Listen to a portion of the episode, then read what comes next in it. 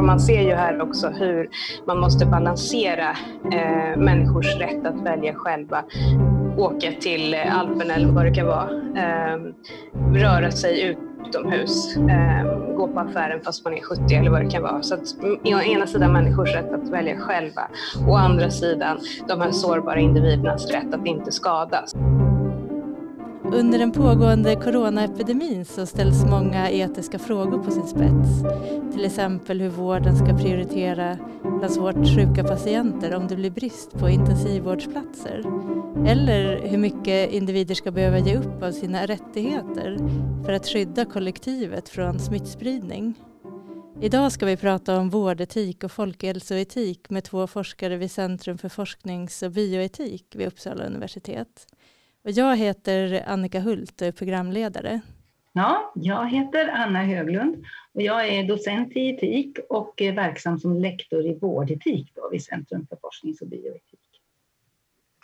Ja, och jag heter Jessica Nelén Fahlqvist och är universitetslektor i biomedicinsk etik, eh, har doktorerat i filosofi. Ja, och Anna, du forskar ju om vårdetik och prioriteringar inom eh, sjukvården. Och det här ämnet är ju väldigt aktuellt just nu under coronaepidemin. Eh, nu har Socialstyrelsen tagit fram riktlinjer som ska kunna användas inom vården för att prioritera vilka som ska få intensivvård om, om så många blir sjuka i, i covid-19 att platserna inte räcker till. Och vad, eh, hur ser de här riktlinjerna ut? Ja, Eh, det är viktigt att starta i att, att sjukvården har, har alltid gjort prioriteringar och måste alltid göra prioriteringar. Men det blir naturligtvis extra utsatt så att säga i en sån här extraordinär situation som vi är i just nu. Men i och med att det alltid har varit, varit viktigt så, så, finns det ju riktlinjer för prioriteringar inom hälso och sjukvården. Och de som gäller idag de kom redan 1997 faktiskt. För då fattade riksdagen beslut om det som kallas för en etisk plattform för, för prioriteringar i vården.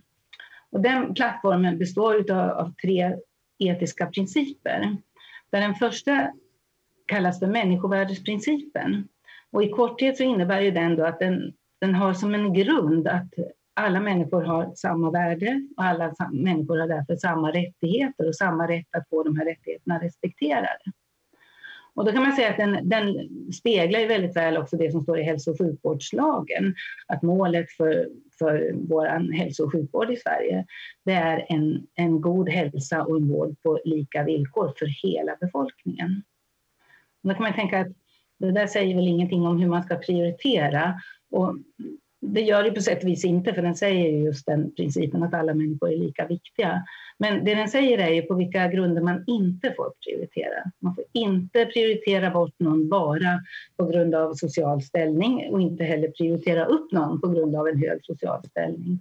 Man får inte prioritera på grund av kön, etnicitet och heller inte enbart på grund av hög eller låg ålder. Alltså den som man kallar för kronologisk ålder, hur länge, många år man har levt.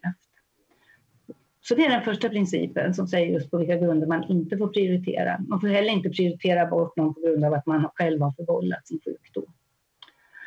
Och då kan man fråga sig vad ska man gå efter? Då? Ja, då kommer princip nummer två som kallas för behovs och solidaritetsprincipen som då säger att ja, man ska gå efter medicinska behov och ingenting annat. Den som har störst behov av vården ska ges företräde. Och så kan man ju säga då att ja, den som inte har så stora behov ska solidariskt vänta. Men eh, solidaritetsprincipen går också längre därför att den säger också att vi ska särskilt se till de som är svaga i samhället, till de som inte kan göra sin röst hörd. Och den tredje principen, det handlar ju trots allt om, resurser det här och om ekonomi. Så den tredje principen säger då att eh, vi ska göra kostnadseffektiva prioriteringar. Så vårdens resurser ska användas där de gör mest nytta. Så det här är liksom den bas som finns. Mm. Men sen uppstår då den här situationen med, med covid-19 och att vi har en, en, pandemi. Och då kom det ett uppdrag då till Socialstyrelsen att ta fram riktlinjer som skulle gälla i just den här situationen. Och eh, då tillsatte de en expertgrupp som bestod då av en, ett antal filosofer men också medicinskt kunniga personer och eh, även Statens medicinsk-etiska råd var med och gav synpunkter på det här. Mm. Och så tog man fram nya riktlinjer. Ja, och hur skiljer de sig då från de här vanliga riktlinjerna som man har haft? De skiljer sig lite grann. Alltså det, det är viktigt att, att, se att, konstatera att i inledningen till de här riktlinjerna så, så säger man att man utgår fortfarande från de här tre människovärde och behov av solidaritet och kostnadseffektivitet. Men sen vill man också förtydliga och, och eh, ja, vara till hjälp då för de som ska fatta de här, de här svåra besluten. Och det man har lagt till då kan man säga det är att man har gjort tre ganska tydliga prioriteringsgrupper. Eh, och, och det, det, är ändå nytt jämfört med mm. de gamla principerna. Då. Och de grupperna då är att den första prioriteringsgruppen, den som ska, som ska prioriteras högst, det är personer med svår sjukdom och en förväntad överlevnad på mer än 12 månader. Mm. Och sen i prioriteringsgrupp nummer två så är det då också personer som har allvarlig sjukdom och en förväntad överlevnad på 6 till 12 månader, kanske på grund av någon underliggande sjukdom. Och den tredje gruppen, den som ska prioriteras lägst, då, där ska, säger man då att det, det, ska vara så låg sannolikhet för, för överlevnad för att man ska kunna prioriteras. Mm. Det här är ju utifrån då att man tänker att det, det, kommer inte att finnas intensivvårdsplatser till alla som behöver det. Och då vill man liksom göra det tydligt att man, man kan ändå titta på det här med men vem ska, ska ha bäst chans till överlevnad. Och det kan man ju säga är liksom en, en slags kostnadseffektivt tänkande. Mm. Och på ett sätt är det då eh, liksom ett, ett stöd då för de som ska fatta de här besluten. Men sen kan man ju ändå tänka sig att man kan ha den här situationen att man har tio stycken patienter som tillhör prioriteringsgrupp 1. De har allvarlig sjukdom, covid-19 i det här fallet kanske, och de har möjlighet till överlevnad i, i minst ett år. Men det finns bara fem platser. Ja. Och då frågar man sig, men vad gör man då? då? Hur prioriterar vi inom prioriteringsgrupp 1? Och då säger de här riktlinjerna ganska tydligt då att då får man gå efter biologisk ålder. Jaha, ja. Då får man vara tydlig med det, att de säger biologisk ålder, de säger alltså inte kronologisk ålder. Så man får fortfarande inte prioritera bara utifrån att säga att över 85 får man ingen intensivvård. Eller så. Utan man ska, man ska väga in hur, hur gammal verkar den här kroppen så att säga. Alltså biologisk ja. ålder, det är ju hur, hur väl kroppen, hur mycket kroppen och organen klarar av. En 70-åring kan då alltså ha, vara biologiskt äldre än en 75-åring eller en 80-åring som kan vara biologiskt sett yngre.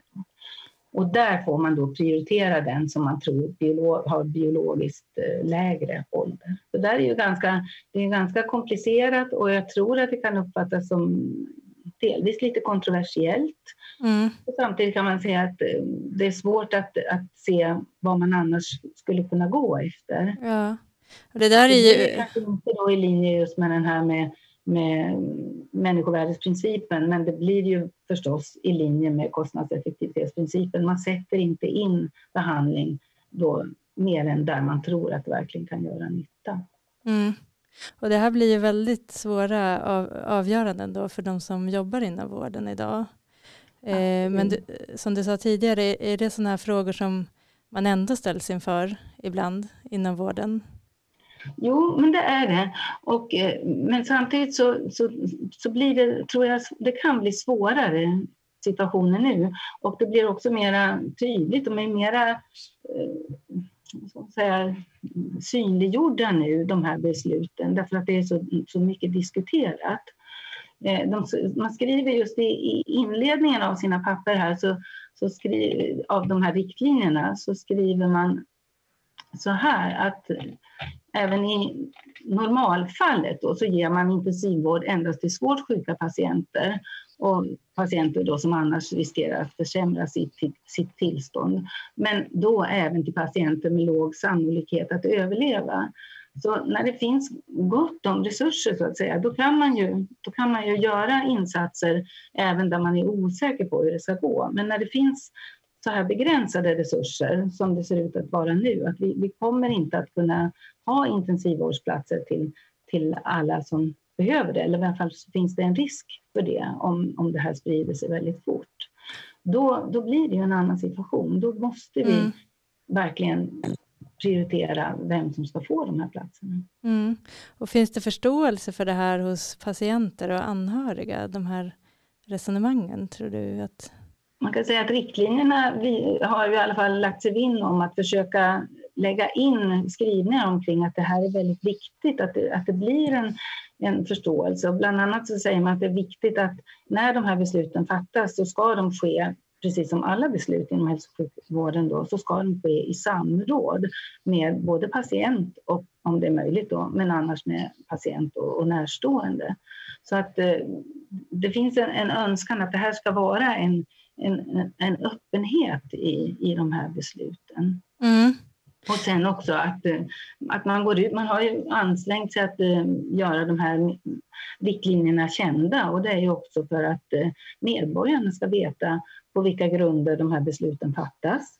Och de ska också veta på vilka grunder de inte fattas, just att det ska inte det, det, har väl funnits någon, någon tanke att man kanske tänker att eh, ja, men de åkte ju till, till Alperna, de får skylla sig själva och så ska de inte prioriteras eller så. Men så, så går det liksom inte till, utan man skrivit att det, det är varken hög ålder i sig eller att det är självförvållat som, mm. som har betydelse. Utan man har försökt göra en, en just etisk plattform för det här.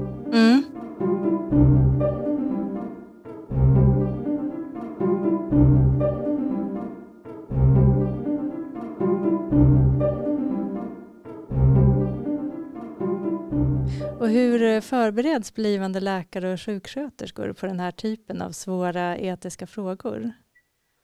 Ja, både läkare och sjuksköterskor har ju undervisning omkring det här och får ju information om att de här, eh, de här riktlinjerna som finns. Och eh, dessutom så har vi ju mera praktiska moment också. Och just när det gäller prioriteringar så har vi faktiskt ett, ett moment där det är sån här tvärprofessionell övning då att både, både läkarstudenter och sjuksköterskestudenter är med och eh, får patientexempel att fundera över. Mm. Det har man ju också sett i, i, i, forskning tidigare att det kan vara så att de fattar ganska olika eller har ganska, får olika uppfattning om hur, hur man borde fatta beslut i, i svåra situationer. Och det beror naturligtvis på att man har olika perspektiv så att säga på patienten. Har man ett omvårdnadsperspektiv eller ett, ett rent medicinskt perspektiv? Mm. Därför tror jag det kan vara viktigt att de möts redan under utbildningen och får diskutera det här tillsammans. Ja, och, och du Jessica, du, du forskar ju om eh, etiska perspektiv på riskkommunikation och eh, folkhälsoetik. Och hur tycker du att riskkommunikationen har fungerat eh, under coronapandemin? Ehm, jag tycker nog att ehm, utifrån mitt perspektiv, då, det etiska, så har det fungerat ganska bra. Ehm, det har ju kommit fram att det handlar om etiska värderingar och värden, tycker jag ändå. Mm, kanske hade man kunnat förtydliga det mer, men eh, det kommer ju fram att det handlar om sårbara individer och gruppers eh, rätt att inte skadas och eh, individers ansvar har varit fokus på. Ställer den här rätten att inte skadas mot människors rätt att välja eh, och bestämma själva över sitt eget liv och sin livsstil. Så att det här har ju faktiskt ändå kommit fram, eh, tycker jag. Mm. Eh, jo, vad är det som är det viktiga med riskkommunikation? Du sa förut att det handlar inte bara om att den är så effektiv som möjligt. Vad är det annars som är mm. viktigt? Mm. Eh, jo, men för det första så är det viktigt att förstå att just eh, risker och eh, vilka risker som är acceptabla och oacceptabla. Det handlar både om vetenskap, fakta och evidens, sannolikheter och så vidare, men det handlar också om värden och värderingar. Och eh, det är viktigt att komma ihåg att experter har en viss syn på risker. Det är vissa saker man tar fram, sannolikhet till exempel. Men vissa av de sakerna som sannolikheter är ganska svåra att ta till sig och förstå om man inte är expert. Så att lekmän uppfattar risker på ett ganska annorlunda sätt, eller om en risk är acceptabel eller inte. Och eh, filosofer har diskuterat det här och visat att flera av de här sakerna som ehm, eh, icke-experter tycker är viktiga är också normativt, etiskt viktiga. Till exempel rättvisa. Eh, så att eh, jag tänker att just ur riskkommunikationsperspektiv, om man ska försöka hitta var de etiska aspekterna finns, så kan man titta på dels själva budskapet som skickas, eh, som sänds ut. Vad, vad, är det som man säger om, om, om den här risken? Sen så är det viktigt också att titta på sättet som det kommuniceras. Är det en envägsinformation eller är det en sorts dialog där man faktiskt tar hänsyn till hur mottagaren uppfattar det här? Och sen så för det tredje så tycker jag att det är viktigt att titta på effekterna av riskkommunikationen. Ehm, det kan ju vara så att riskkommunikationen är effektiv, alltså får människors, eh, människor att förändra sitt beteende till exempel. Men samtidigt kan det ha lett till någonting annat som man inte önskade som är etiskt problematiskt. Till exempel att man stigmatiserar människor eller ehm, ja, pålägger dem skam eller skuld eller eh, sådana saker. Mm. Vad kan det vara till exempel som man lägger på skam? Jo, men Ja, nej, men om man tänker sig ett annat eh, område där vi har riskkommunikation, förutom om vi går lite bort ifrån corona, så kan man tänka sig att det finns vissa livsstilsrelaterade sjukdomar som har att göra med övervikt eller rökning och så. Ehm, och där vill man ju kommunicera att ja, det är farligt med för mycket övervikt och det är farligt med rökning och så vidare. Ehm, vi vill att människor ska ändra sitt beteende, att de slutar röka och att de går ner i vikt och börjar motionera och så vidare. Och där kan man ju tänka sig att man skulle kunna kommunicera baserar det här bara på ett faktamässigt vetenskapligt sätt. Um, men inte ta hänsyn till hur det, hur det uppfattas. Man skulle också kunna eh, kommunicera det så att man säger att ja, det är ditt personliga ansvar och det, du får skylla dig själv, som, som eh, Anna tog upp tidigare. Att du är överviktig eller att du får lungcancer eller någonting.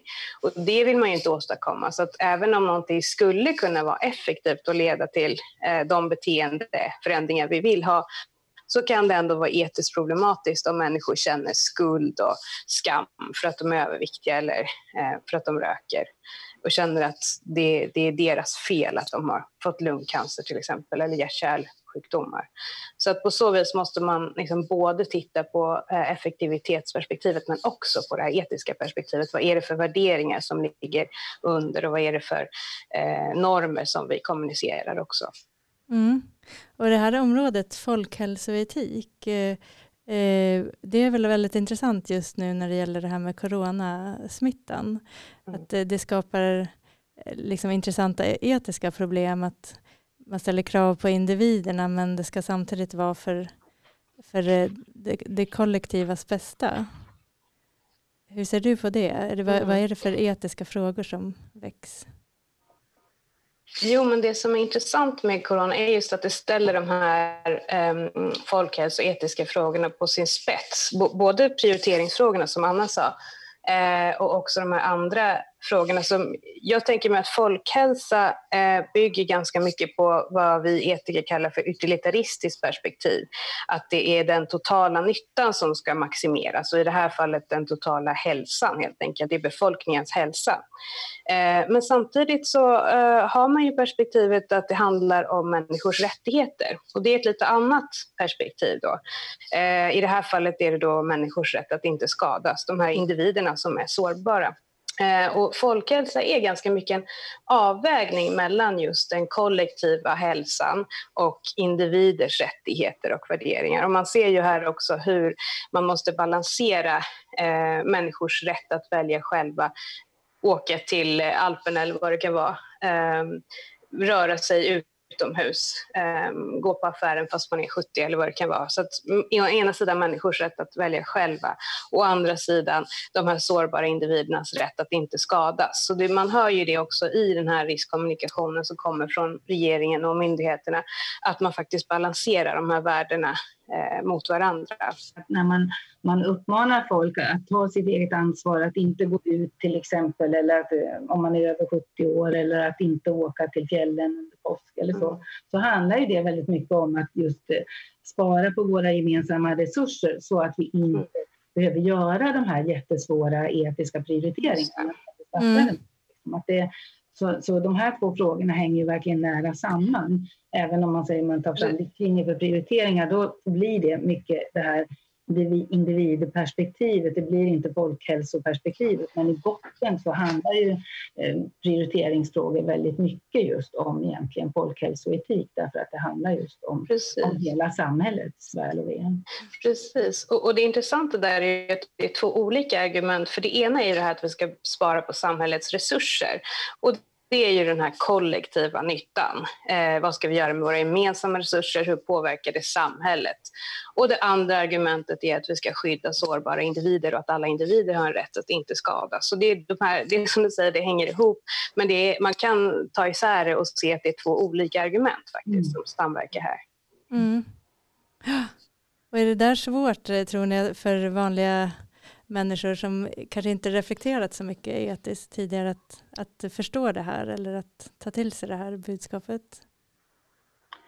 Jag tror att det kan vara ganska svårt att ta till sig alla fall grunderna för det och just det, det, så som vi tänker på det nu, att man kan se det å ena sidan så här och å andra sidan så där. Det tror jag verkligen att det kan vara. Samtidigt som man, det klart inte är svårt att förstå att det här är en väldigt allvarlig situation och jag förstår att jag måste ta mitt ansvar. Men kanske att, att just att förstå skälen och grunderna till att varför det här är viktigt. Det tror jag kan vara svårt om man inte har, har vanan att reflektera över sådana här frågor. Just det, och verkligen att se det här att det handlar om värderingar. Det handlar inte bara om fakta. Det är inte bara sannolikheter och kurvor, utan det Nej. handlar om värderingar och hur vi bör vara mot andra människor och hur vi bör, ja, mot oss själva också kanske. Ja, jo, för det blir ju väldigt mycket siffror och statistik ofta när, när man mm. diskuterar det här i medierna och så. så att det är lätt att... Det är också väldigt eh, intressant och, och, och kopplat till den frågan. För man brukar ju säga att god etik startar alltid med goda fakta.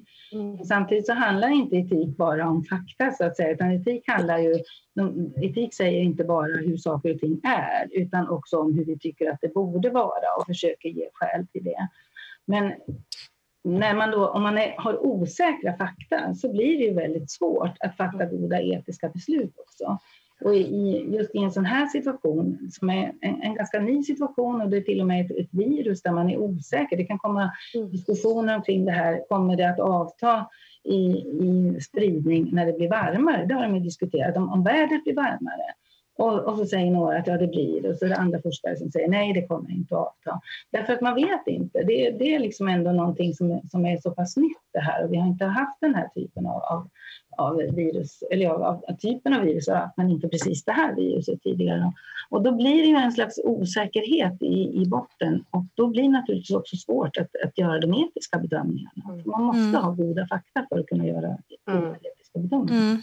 Och oerhört svårt att kommunicera osäkerhet också. Mm. Eh, hur man ska formulera det på bästa sätt. Mm. Och det är väl det som öppnar upp för alla de här tyckarna och eh, eh, Eh, självutnämnda experterna på sociala medier och så. Det är ju naturligtvis också väldigt eh, problematiskt så att säga och, och, kan göra den här situationen ännu mer allvarlig. Ja, verkligen. Eh, och det, som, jag har tittat lite på vaccinationsfrågan och mässlingsvaccinationen och det om man tänker ur riskkommunikations och folkhälsoperspektiv. Och jag ser det väldigt mycket som en pedagogisk utmaning också eh, att balansera det här att man har respekt för människors oro och känslor och värderingar och samtidigt försöker förmedla eh, det vi vet, det vi har evidens för. Så att vi kan kommunicera att jo, men mässlingsvaccinet är väldigt säkert och effektivt och testat. Samtidigt som man förstår människors oro som kan ha med många olika saker att göra faktiskt. Så att man inte bara antar eh, att folk är irrationella eller vad det kan vara. Ja, jo, för att eh, oron spelar väl in i hur vi fattar sådana här etiska beslut. Att mm. Det är en inte bara rationella beslut. Men forskning har också visat att vi behöver känslor för att kunna fatta eh, moraliskt riktiga beslut. Så att ibland visar känslor fel och ibland visar de rätt. Mm. Och det gäller att ta upp det här till en strukturerad eh, nivå så att vi kan diskutera det eh, för att förstå vad som är vad. Så. Mm.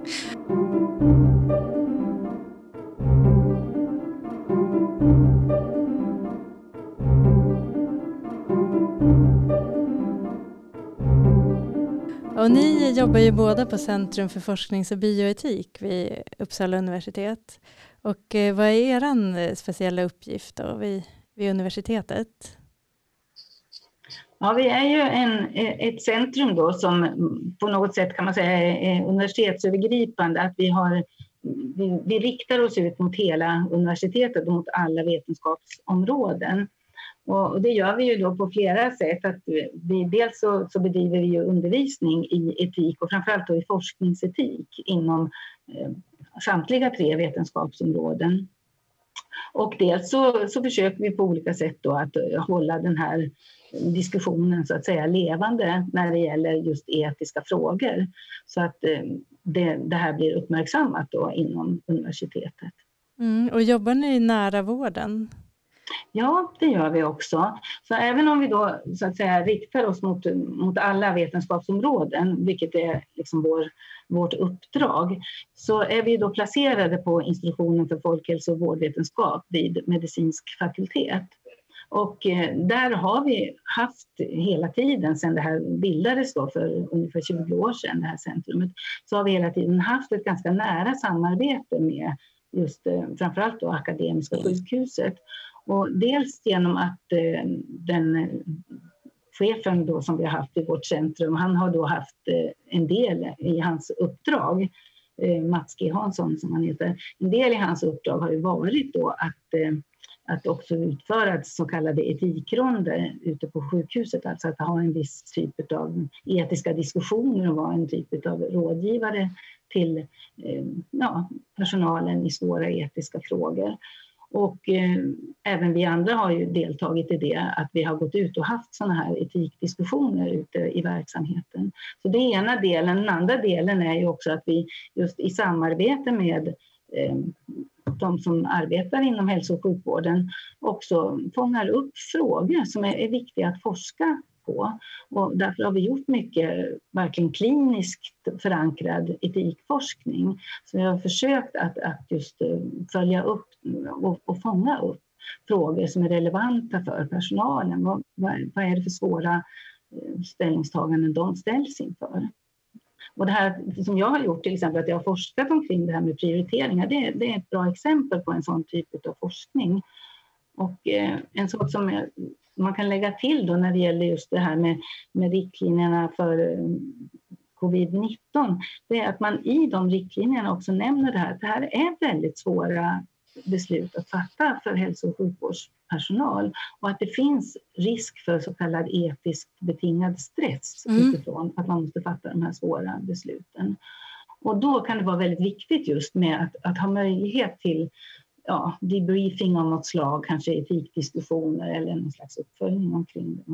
Mm. Så att, och det är också en sån typ av forskningsfråga som vi har fångat upp när vi just har, har jobbat nära de som är verksamma inom hälso och sjukvården. Mm.